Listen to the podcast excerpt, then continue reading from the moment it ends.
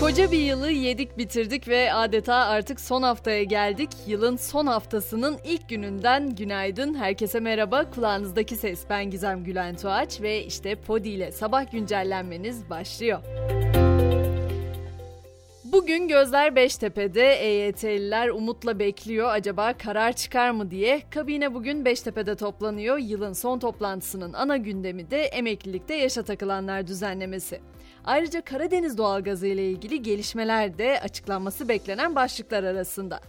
Öte yandan Enerji Bakanı doğalgaz ve elektriğe yılbaşında zam yapılmayacağını açıklamıştı ama Enerji Piyasası Düzenleme Kurulu'ndan bir zam haberi geldi. 1 Ocak 2023'ten itibaren geçerli olmak üzere doğalgaz bağlantı ve hizmet bedellerine %84 oranında zam yapılacak. Şimdi sizi cuma akşamına götürmek istiyorum. Hatırlayacaksınız İstanbul Arnavutköy'de bir restoranın iskelesi çökmüştü ve bunun sonucunda da müşteriler denize düşmüştü. O restoranla ilgili iddialarsa şoke etti. Çünkü mekanın iskelesinin kaçak yapıldığı, restoran çalışanlarının mühür görünmesin diye üzerini siyah bir bezle sardığı ortaya çıktı. Ayrıca binanın daha önce de iki kez mühürlendiği öğrenildi. Yine aynı gün yani 23 Aralık'ta Fransa'nın başkenti Paris'te 3 kişinin ölümüyle sonuçlanan bir saldırı düzenlenmişti.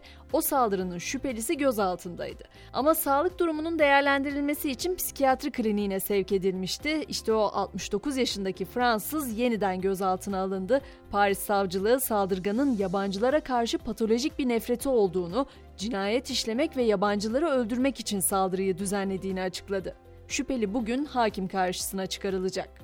Dünyadaki yolculuğumuza Amerika ile devam edelim. Orada da farklı bir kriz var. ABD'de nesilde bir kez görülebilecek şiddette diye tanımlanan dondurucu kar fırtınasında ölü sayısı 28'e yükseldi. Milyonlarca kişi elektriksiz kalmış durumda. Kar yağışının etkili olduğu yerlerde acil durum ilan edildi ve sürüş yasağı getirildi. Ülkeden gelen görüntüler ise adeta 2004 yapımı yarından sonra The Day After Tomorrow filmini aratmayacak cinsten. Her ne kadar nesilde bir görülebilecek cinsten olmasa da soğuk hava yurdumuzun genelinde de etkisini sürdürüyor. Bu haftanın başından itibaren kar yağışı yurdumuzun birçok yerinde etkili olacak. Güneydoğu, Doğu Anadolu, Doğu Karadeniz ve İç Anadolu bölgeleri özellikle etkilenecek bölgelerden.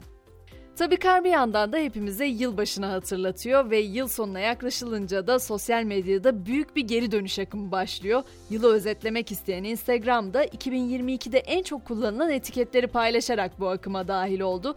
Liste oldukça çeşitli. Stand with Ukraine etiketi en çok kullanılanlar arasında. FIFA World Cup etiketini de futbol severler zirveye taşımış görünüyor. Yine Instagram etiketleri arasında öne çıkan bir diğeri ise Ekim ayında piyasaya çıktığı gün albümü en çok dinlenen isim olan Taylor Swift. Hani hep vardır ya kar yağmasına en çok sevinen çocuklar oldu klişesi. İşte Noel ve yılbaşının gelmesine de her yıl en çok sevinen Mariah Carey oluyor sanırım. Çünkü onun adeta bir Noel marşına dönen All I Want For Christmas Is You şarkısı her yıl Noel döneminde yeniden en çok dinlenenlerde zirveye çıkıyor. O tek bir şarkıyla da Carey bugüne dek bir servet kazanmış durumda. Pandemiyle birlikte hayatımızda birçok şey değişti ama hayatımıza iyice yerleşen kavramlardan biri evden çalışma seçeneği oldu. İnsanlara farklı yerlerde yaşama şansı sunuyor tabii bu seçenek ama 28 yaşındaki Austin Wells bunu biraz abarttı. Şöyle ki Mark Zuckerberg'ün sahibi olduğu Meta'da çalışıyordu Wells ve evden çalışmak için 12 yıllığına bir kruz gemisinin odasını kiraladı. Gemideki tüm hizmetlerden faydalanacak olan Wells her ay ev kirasından daha düşük ücret ödeyecekmiş. Bu da 12 yıl için 300 bin dolar yani yaklaşık 5 milyon 500 bin lira gibi bir bedel oluyor. 6 kıtayı bin günde dolaşıyormuş bu gemi. Açıkçası gemiden indikten sonraki hali ne olacak diye düşündüm. Çünkü ben yaklaşık bir hafta kadar böyle bir gemi seyahatine gitmiştim. Bir haftanın sonunda gemiden indiğimde iki gün boyunca başım dönmüştü.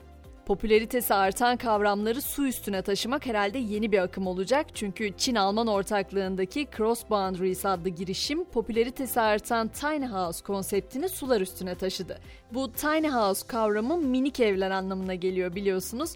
Feng Song adlı bu tasarımda ise motor dahil her bileşenin enerji ihtiyacı güneş panellerinden toplanan 61 metrekarelik bir yaşam alanından oluşuyor.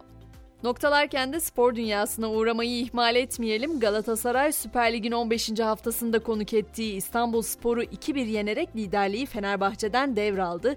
Beşiktaş ise Fenerbahçe'nin puan kaybettiği haftada Gaziantep'le 1-1 berabere kalarak fırsatı tepmiş oldu. Süper Lig'de 16. hafta ise yarın başlayacak. Bu haberle birlikte biz de sabah güncellenmemizi noktalayalım. Akşam saat 18'de tekrar görüşünceye kadar herkese mutlu günler diliyorum. Hoşçakalın.